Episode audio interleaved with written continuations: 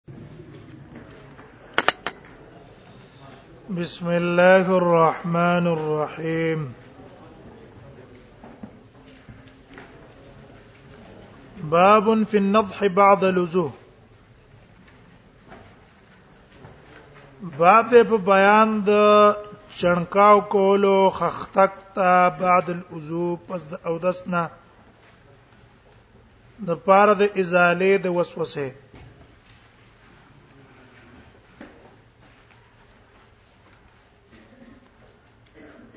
نصح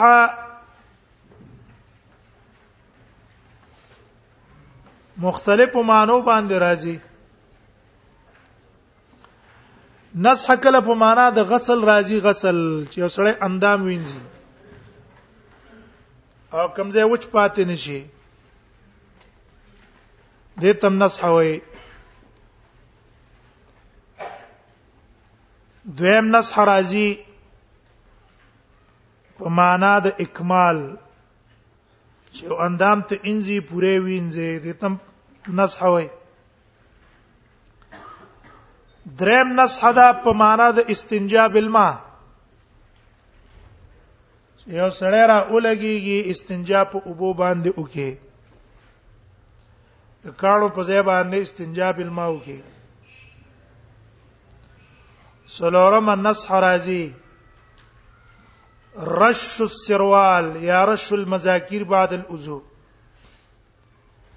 یو سړی او د سکی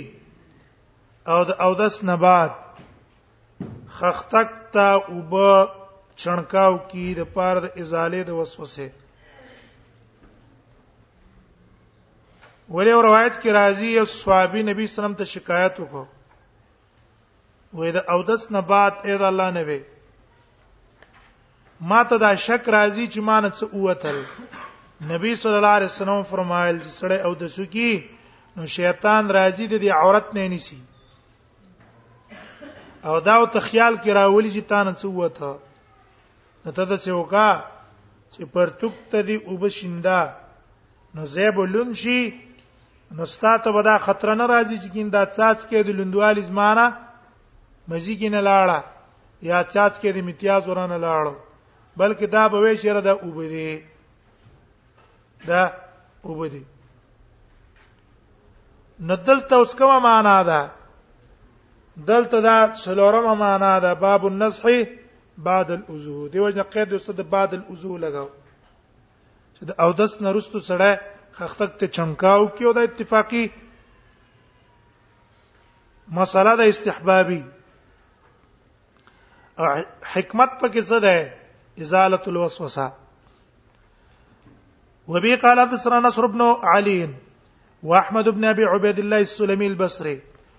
قال حدثنا ابو قتيبه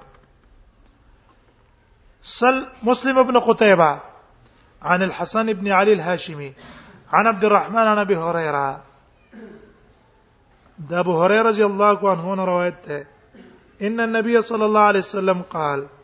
نبي صلى الله عليه وسلم فرمایلی دی وجاني جبريل ما ته جبريل السلام راغه فقال ما تقول يا محمد صلى الله عليه وسلم اذا توزعتها وکړه چې تا او دس کو یا او دس ته وکړو فنتزح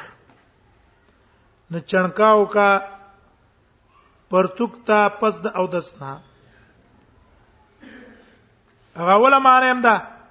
فانتزح معنی استنجا په څه باندې کوا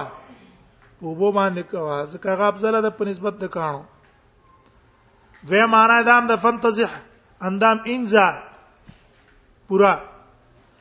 یا تکمیل کوا چې کوم ځای وچ پاتې نشي اوس دلته په حدیث کې امر دی فانتزح لیکن عام علما وايي چې دا حکم د پاره د استحباب نه وجوب د پاره نه ده وجدار چې یو خدای روایت سندن کمزور ده کمزور ده او امر د استحباب د پاره ده غرض په کې دفه د وسوسه ده قال ابو سوي هذا حديث غريب دا حدیث غریب ده صرف دی حسن ابن علي الهاشمي باندې راغله وسمعت محمد يقول او ما د امام بخاري نه اوریدلی چې هغه فرمایل الحسن ابن علي الهاشمي وي حسن ابن علي الهاشمي چې د منکر الحديث دا منکر الحديث ته د احاديث سره اعتبار شته نه وفي الباب انا بالحكم ابن سفيان نو دغه روایتونه د وجنه صرف درجه د استحباب پیدا کړه ځکه دا روایتونه راغلي په مختلفو سندونو اگر که کلام پکې شتا ولیکن دا څه کوي تقویت ور کوي وفي الباب انا بالحكم ابن سفيان دا روایت په ابو داود امراوړي په باب الانتزاح کې امام داود رحم الله باب دی باب الانتزاع او دا روایت پر نقل کړي ابن عباس ابن عباس روایت هم دی زید ابن حارثه او دا ابي سعید وقال بعضهم دې کی اشاره کوي دیتا چې د ائمه اختلاف ته چې دا عن ابي الحكم ابن سفيان دا ابو الحكم ابن سفيان دی او که سفيان ابن ابي الحكم دی محدثین خپل منځ کې څه ده اختلاف چې آیا دا صحابي ابو الحکم ابن سفیان ده او که سفیان ابن ابو الحکم ده د پلار نوم سفیان ده د د خپل نوم ابو الحکم ده او کنا د دنوم سفیان ده او د پلار نوم ابو الحکم ده زکه وقال بعضهم چا د ابي الحكم ابن سفيان په ځای باندې سفيان ابن الحكم ویل دی او الحكم ابن سفيان یا شک کړی دی چې حکم ابن سفيان ابن الحكم دی او حکم ابن سفيان دی واستربوا في هذا الحديث او دی استراب په دې حدیث کې کړی دی د وجه د عدم تعین د نوم ددنه چیرې دا حکم ابن ابي ده کو سفيان بن حکم ده وجه دا ده دا یو صحابي ده او کدا بل واخل به تابعی ده کنه صحابي نه ده نو که دا یو شي دا زوی شي مثلا سفيان پلار شي او حکم زوی شي نو به روایت څه شولو مرسل شو کنه دیو جنا هغه دا اختلاف شو واسترو فی هذا الحديث باب فی اسباغ الوضوء دا اختلاف په سنن ابو داود کې مرا روان دي انتزاع کې او التبت عند بعض منغو کو چې د بعض نه د څوک مراد ده وقال بعضهم نه خپل سفیان دی سفیان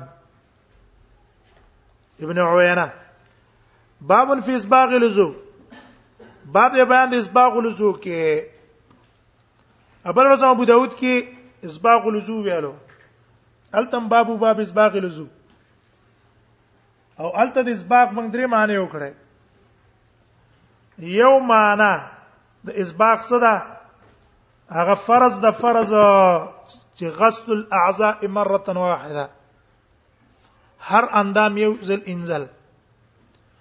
نو دغه به فرض ده که یو اندام اندام دی یو ځل وینین ځل استاو د سکیږي نه دغه قسم اسباق په اتفاق د علما فرض ده دویم قسم اسباغ هغه سره غسل الاعضاء الثلاثه تان دامونه پوره وینځي او درې کرته وینځي دا په اتفاق د علماو باندې سنت ده هلته موږ ویلو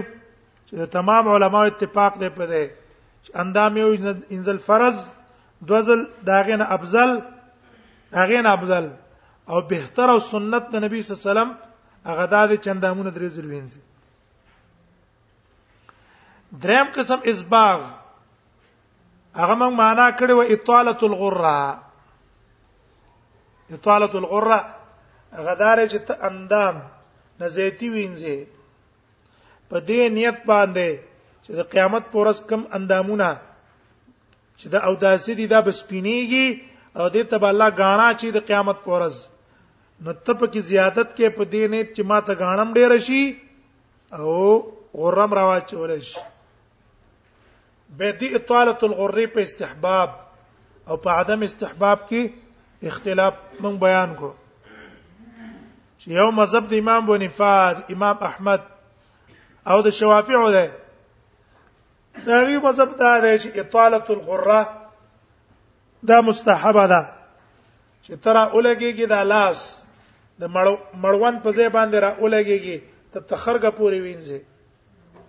او خپا د کعبینو په نه پځه تر نصف ساق پورې وینځي دا جایز دي او د استحباب د پاره دی استدلال نیولای په حدیث د مسلم او د ترمذی چې نبی صلی الله علیه وسلم فرمایلی دی چې یب ان امتی يدعون يوم القيامه غرا محجلين من آثار الوضوء زما امت په قیامت پر ورځ را بلل کیږي پړقا کون کی وي سپین به پړقا کون کی وي من آثار الوضو د وجه د اثر د او دسنا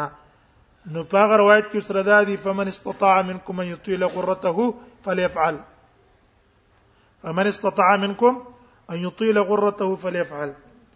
چا چې طاقت چې خپل سپینواله وګد کی ودی کی من استطاع کې اختلاف ده آیا دا قول د رسول الله صلی الله علیه وسلم ده او کدا قول د ابي هريره ده نو عام علما وايي چې دا قول د ابو هريره ده مدرج فی الحديث ده قول د صحابي شو او د رسول الله صلی الله علیه وسلم نه پخپلا اطاله القران نه ثابت دا هغه عمل دا هغه قول هم شو دا هغه عمل هم شو ځکه ابو هريره رضی الله عنه نه طواله القره ثابت ده لیکن امام نووي را لګیدل هغه ترجیح دی لور کړی د من استطاع منکم ان یطیل غرته دا قول د شاده دا قول د رسول الله صلی الله علیه وسلم دی دوی مذهب د مالکیانو ده مالکیانو اطاله الغره دا سنت نه ده خلاف ده د سنت نه وې ځکه رسول الله صلی الله علیه وسلم نه چرته په صحیح حدیث کې اطاله الغره نه ده ثابت دا په اعتدا کې داخليږي اعتدا او من استطاع منکم یتویل غرته دا قول لا ابو هريره ده او دا هغه عمل له دیو جن قیم رحم الله هغه دې له ترجیح ور کړې چې اطاله الغراء د نبی صلی الله علیه وسلم نه قولا او فعلا نه ده ثابت او د ابو هريره رضی الله عنه نه ثابت ده او من استطاع منکم یتول غرته دا قول ده د ابو هريره مدرج فی الحديث په حدیث کې ورمنډل شوی دی د نبی صلی الله علیه وسلم خبرې څه څه کړې ده زم کړې ده او ځکه کړې ده خدا قول د نبی صلی الله علیه وسلم نه ده بلکې دا قول د ابو هريره ده من په دې کې وایو چې کله کله اطاله الغره په کار ده صدا کله کله دا غي اطاله الغره استحباب دې عمل د وجه نه ده کله کله وګت وګدیم پسې راکا ځکه دا د صحابي عمل له او د صحابي په نبی سم په دې لیدلې کنه ځکه دا کار کو او راوی په خپل روایت باندې سي ازرای ان امتی یدعون یوم القیامه څوک روایت کوي ابو هريره ابو هريره د خپل روایت مطابق عملم کړی دی ادرا خپل روایت دغه اسباغ لزو اوس ته وګورئ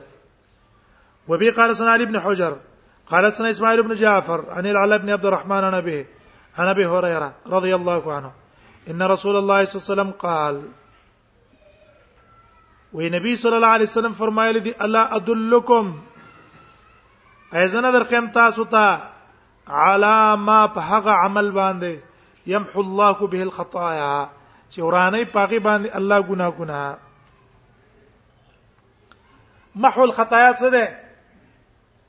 محو الخطايا دا ده چې ملائکه کوم صحیفه کې لیکل ده ملائک په خبرم نه وی الله ته سکی استوران کی نشي عمل نامه د قیامت پر ورځ راواخلي پای کې باغ نه الله به توران کړي دویم ومحو معنا دا ده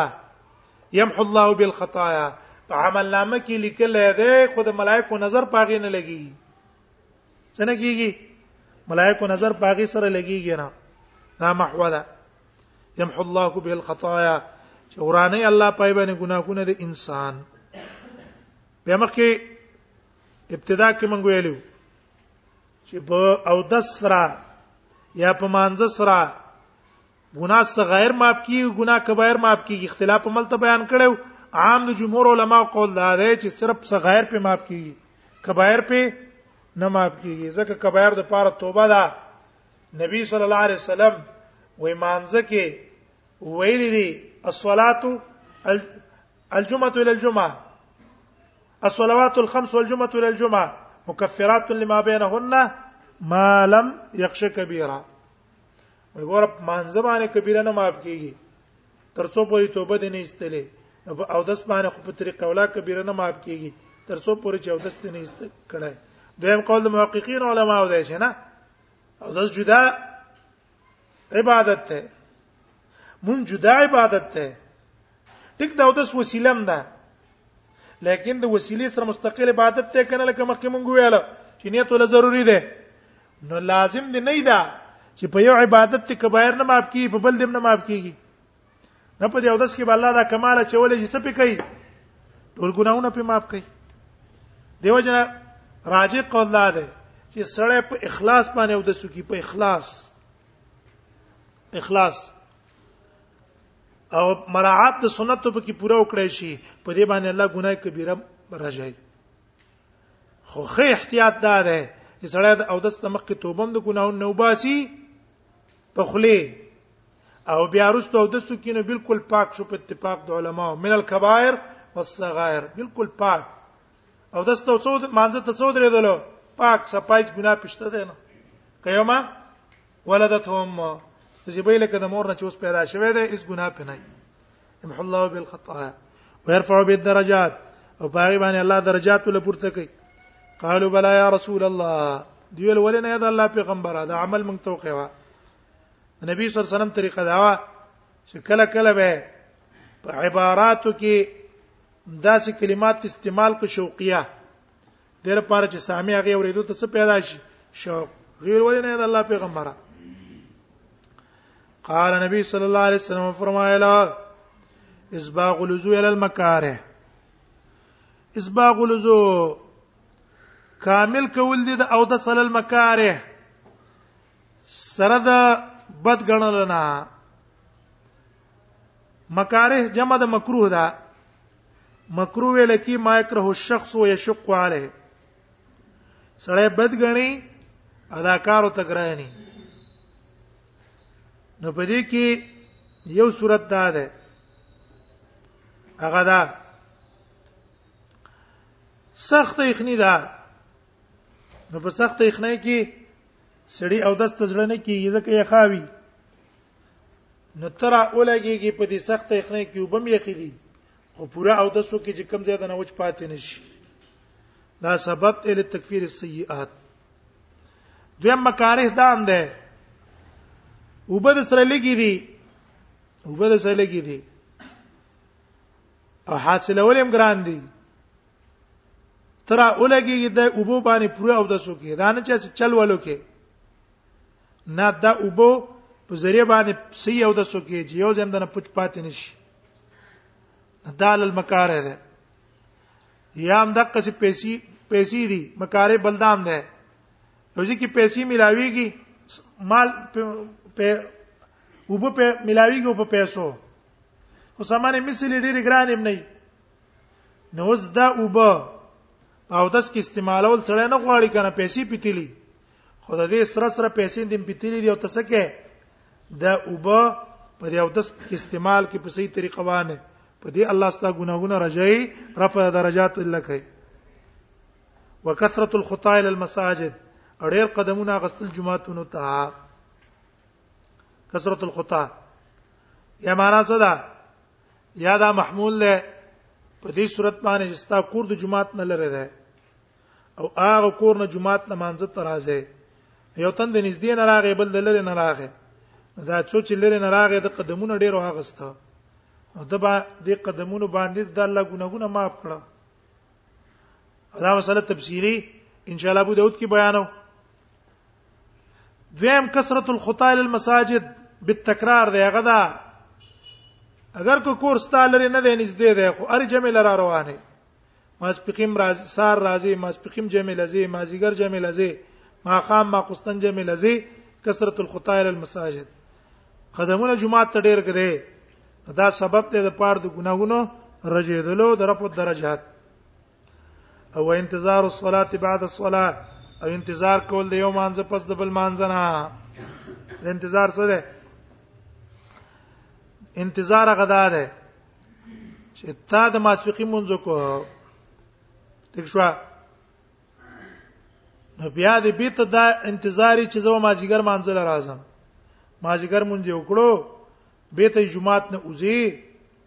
نو بیا دې په زړه کې دای چې زما ماقام منځل راځم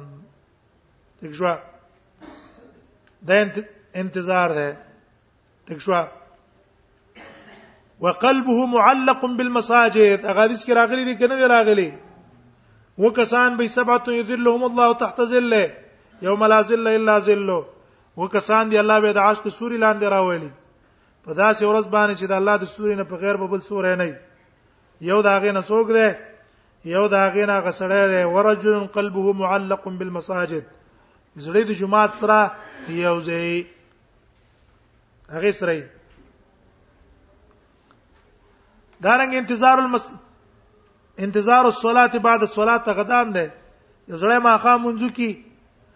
او یاره زه څه کوم چې زما کور ته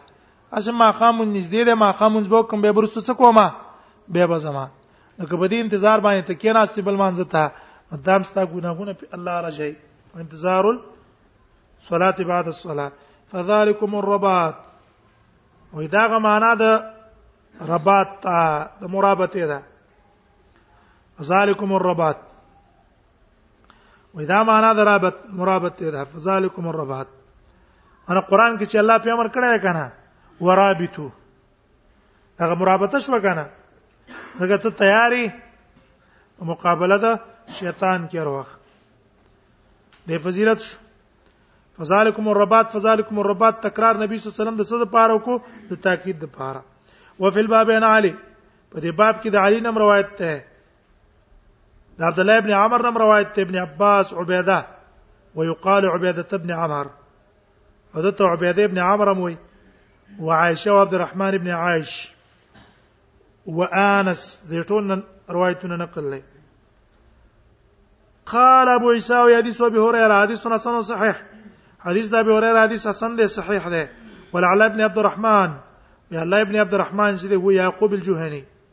دا يعقوب الجهني ده هو ثقه عند عند اهل الحديث ادا د محدثینو په نسبت باندې ثقه ده باب المنديل بعد الوضو باب دی بیان د تولیا استعمالولو پس د او دسنا دغه دا مسله کې چې راته او د سکو او دسنا رستو تولیا استعمالول دا څه حکم لري دا جایز ده او کنه استعمال المنشفه چوته وي نو په دې استعمال المنشفه کې اختلاف ته د علماو چیرې د دې استعمال څنګه ده یو قول علماو دا ده چې د اودس نه بعد ته ځان په تولیا باندې وچه یا په کپړه باندې ځان وچه یا په رومال باندې ځان وچه کدا د اودس نه رستوي کدا غسل نه رستوي دواړه جایز دي هیڅ ګناه پکې نشته جواز ده دا مذهب نقل له د احنافنا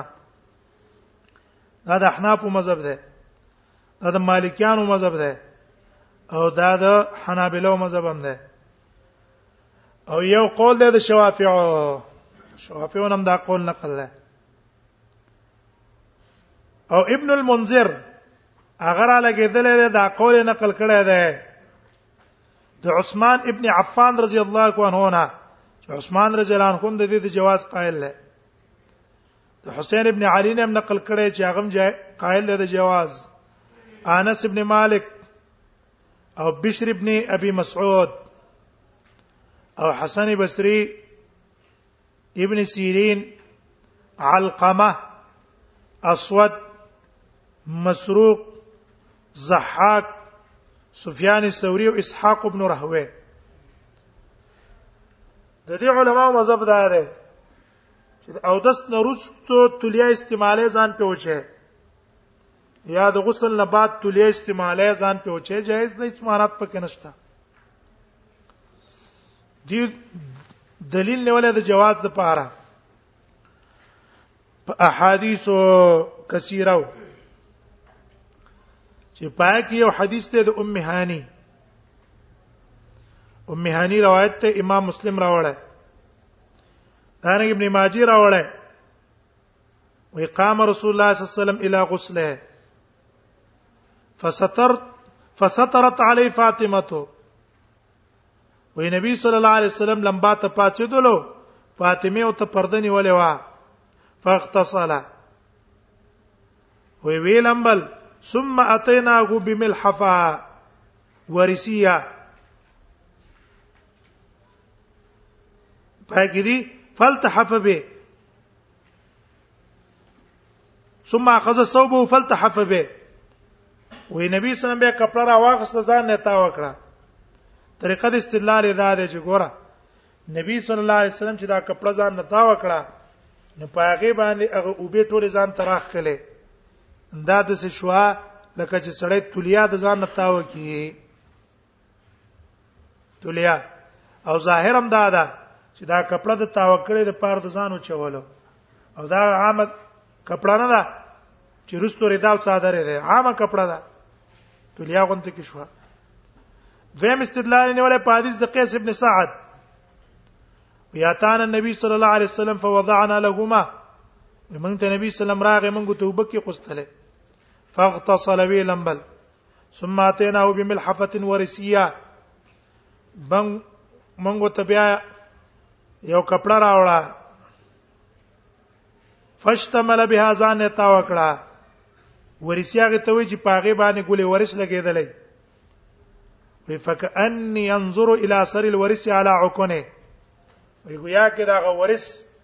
اثر ما د نبی صلی الله علیه وسلم په دې خېټه په پټه باندې لیدل حکم څه ته وای په دې خېټه باندې چې کومې پټي په پاغه باندې دا غوریس اثر ښکار کېدو دا روایت ابو یعلا راوړه دریم استدلال نیولې پادی د سلمان و ان رسول الله صلی الله علیه وسلم توضا نبی صلی الله علیه وسلم او د سوکړلو فقلب جبته سوپ كانت عليه وې داغه صد وړی کوټو هغه را الټه کړو فمسح بها وجهه مخ په مسکو اخرج ابن ماجه او په مجموع الزوائد کې وایي اسناده صحیح ورواته ثقات سندیم صحیح ده راویان هم ثقه دي سلورم حدیث د ابي بکر ده كانت للنبي صلى الله عليه وسلم خرقه وې د نبی صلی الله علیه وسلم یو کپړه وا ينشف بها بعد لزو او داس نبی رستو نبی صلی الله علیه وسلم په ځان وچاو روایت امام بیقی سنن کبرا کې راوړل پنځم استدلال نیولای په حدیث د ابي مریم اياس بن جعفر رجل من الصحابه ان النبي صلى الله عليه وسلم كان له منديل او خرقه يمسح بها وجهه اذا توضا اذا نبی صلی الله علیه وسلم یو مندیل یا ټوټه په هغه باندې به مخ مسکاو چې کله به او دس کاو اخرجه البيهقي في السنن دام امام بيهقي په سنن کې راوړل شپږم حدیث د عائشه د الحاکم والبهقي امام بهقي راوړی امام حاکم هم راوړی ان نبی صلی الله علیه وسلم کان له خرقه ينشف بها بعد الوضوء وم دی استدلال نه ولا په دې حدیث د میمونی رضی الله عنها د باب کې چې کوم ده اے ابو داود کې یو باب د تراشی ابو داود کې روایت ده د میمونی رضی الله عنها وای ما نبی صلی الله علیه وسلم ته داغه د غسل کې کپڑا فاتتو بمندیل فلم یریدو وجعل ينفذ الماء بيده وزان نه وب څنډره طریقه د استدلال ادا ده ګوره چې دا وب ځان نه څنډره نو یا دا وب څنډل پلاس او یا دا وبل رکول په تولیا ځان یو شی دی دغه حدیث د میمونه د ابو داود کې چې کوم غسل کې ده کیفیت الغسل کې دغه په دلیل له په جواز بیا دا علما وايي ټیک دا حدیثو کې اگر که کلام د علما شته ٹھیک شو لیکن کثرتها یقوی بعضها بعضا ها به د دې قائلین خپل منځ کې اختلاف ده چې ټیک د تولیا استعمالول جایز دي لیکن استعمال د تولیا بهتر ده او کتر کې بهتر ده اختلاف په څه کې ده پس د اتفاق نه فل جواز اختلاف دې په افضلیت کې آیا تلیه استعمالول افضل او که پرې خوستل افضل یو مذهب ته د مالکیانو او د حنابلو او دا اصح اقوال دي د شوافیعو هغه وی چې ځان نه اوچول ځان نه اوچول افضل دی په نسبت ته ځان اوچولو ترک التنشیف دا افضل دی په نسبت ته تنشیف دلیل نه ولا په حدیث د میمونی رضی الله عنها چې ابو داود کې ده ان النبي صلی الله علیه وسلم اختصلها وی نبی صلی الله علیه وسلم غسل وکړو فاتت بخرقه فلم يردها بما نبی صلی الله علیه وسلم ته کپڑا راوړه او نبی سم هغه وانه غستله فجعل ينفذ بيده نو الله اسمانه وبځان څنډره وی ګوره دا دلیل شو په بهتر والی لیکن دی وی ګوره د تلی استعمالول بهتر نه دی پر قستلې بهتر دی دا پاغه صورت کې چې کله سړی ته یخنی نه یا خطر د الساق د نجاست نه ستاله اسلوب پاتې شو کېدې چې ګندګي د سې در پورې وځي شي لکه خطر و د الساق النجاسه او یا یخنی و سړی ته zarar ملاوي دو نو بیا استعمال ول افضل له او اوزل افضل له بلکې دا اوزای قول نه ده چې بیا من شپه استعمالول د سنت موقت دي ټیک شو سخت واغانه لګيږي یا خطر د مرض ده یا بدن کې د زخم ده زخم ده په دا ټیم کې بیا من شپه استعمالول بهتر دي دویم قول اکراهه التنشیب او د احناف په نسبت باندې خپل پته ولګیدله چې د احناف قول څه ده په دیو کې چې من شپه استعمالول بهتر دی دویم قول من شپه استعمالول مکروه دی بعد الوضوء والغسل او دستم رستم تلیا استعمالول د غسل نه رستم تلیا استعمالول دا مکروه دی